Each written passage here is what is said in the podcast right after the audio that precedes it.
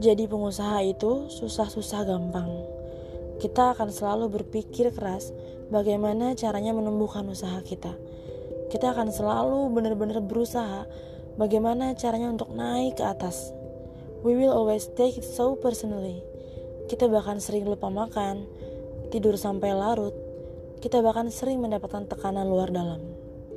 Tapi, bukankah Cara terbaik menjalani hidup adalah dengan bekerja keras dan terus berusaha untuk mencapai impian kita.